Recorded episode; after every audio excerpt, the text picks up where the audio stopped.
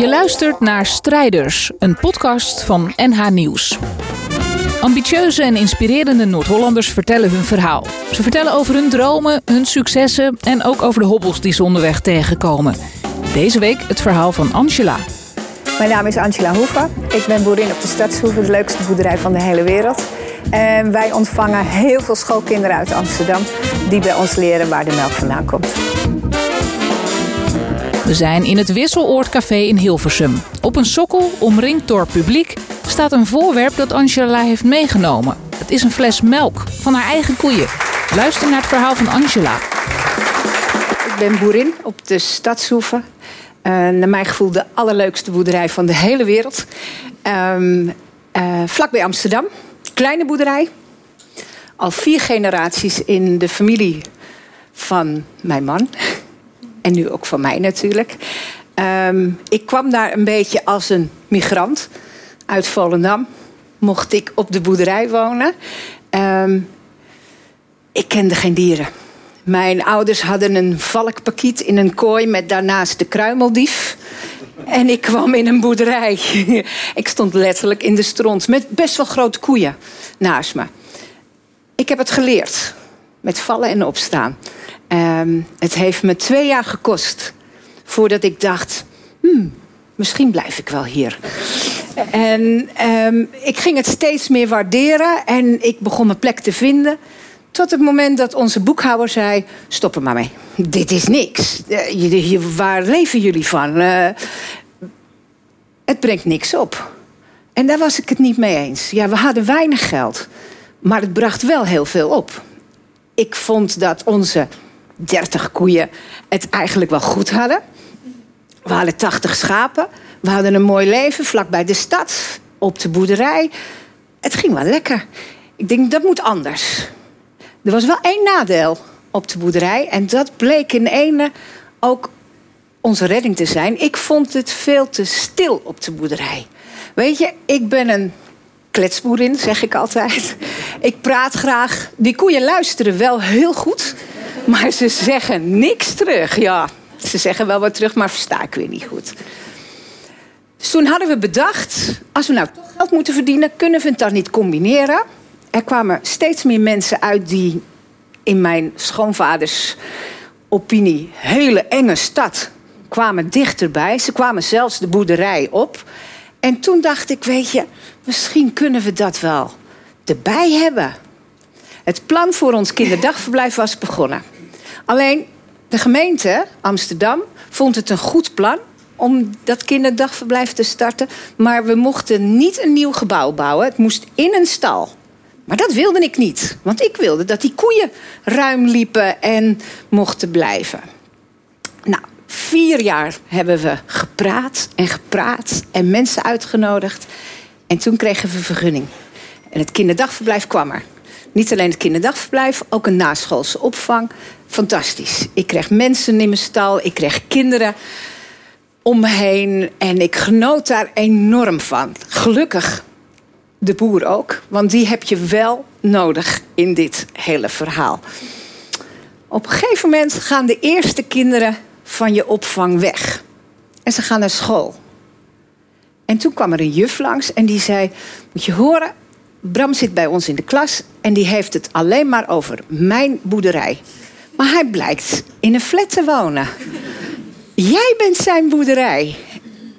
Mogen wij met de klas eens op zijn boerderij kijken? Wow, dat zijn de dertig. Kleuters. We hebben het gedaan, gewoon geprobeerd. We hadden eerst hele mooie lessen gemaakt, papieren met dingen die ze konden invullen. Nou, na een half uur hebben we die al opgeruimd en hebben we ze scheppen gegeven. En we zijn achter de koeien aangegaan. En we hebben, ja, we hebben poep geschept. We hebben voer gegeven. Het was fantastisch.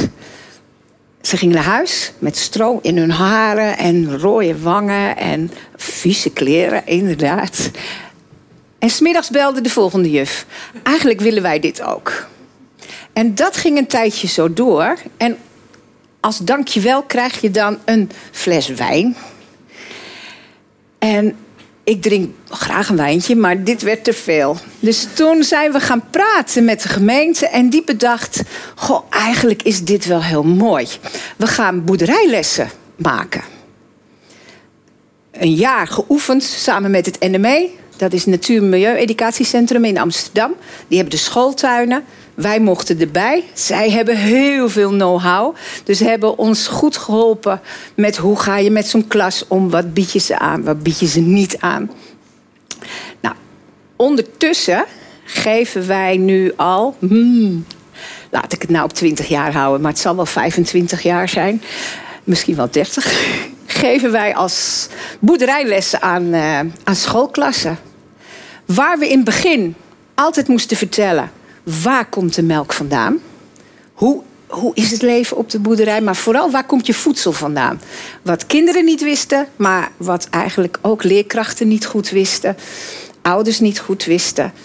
Um, mochten wij ze dat uitleggen, waar die lekkere melk vandaan komt, dat verandert een klein beetje. Op dit moment komen kinderen, basisschoolkinderen, niet meer binnen met boerin, boerin, ik wil weten waar de melk vandaan komt zij komen nu eigenlijk binnen. Boerin, ik weet waar de melk vandaan komt en dat is niet goed. Dat is uh, ah, diermishandeling. En dat is een beetje de nieuwe uitdaging waar wij als boeren en boerinnen nu voor staan. En ik ben blij dat ik die schoolklassen mag ontvangen. En dat ik ze spelende wijs, werkende wijs mag laten zien dat mijn koeien het niet zo slecht hebben als dat ze vertellen op het journaal. En er verteld wordt in de boekjes op scholen. Wat er verteld wordt op Facebook en Instagram. Ik vind dat eigenlijk wel heel mooi om ze spelende de wijs te leren van joh, het, het kan ook. Het kan, zo is het ook.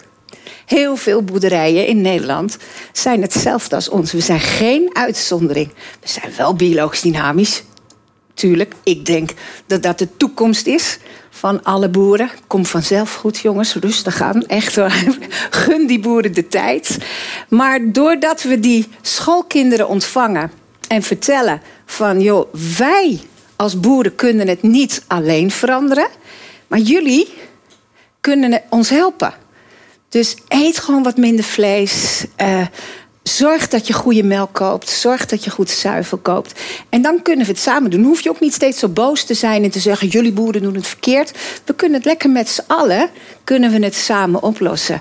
En dat is eigenlijk een beetje mijn nieuwe taak van, uh, van mijn boerderijlessen geworden. En ik vind dat heerlijk, moet ik eerlijk zeggen. Nou, dat is mijn strijdverhaal.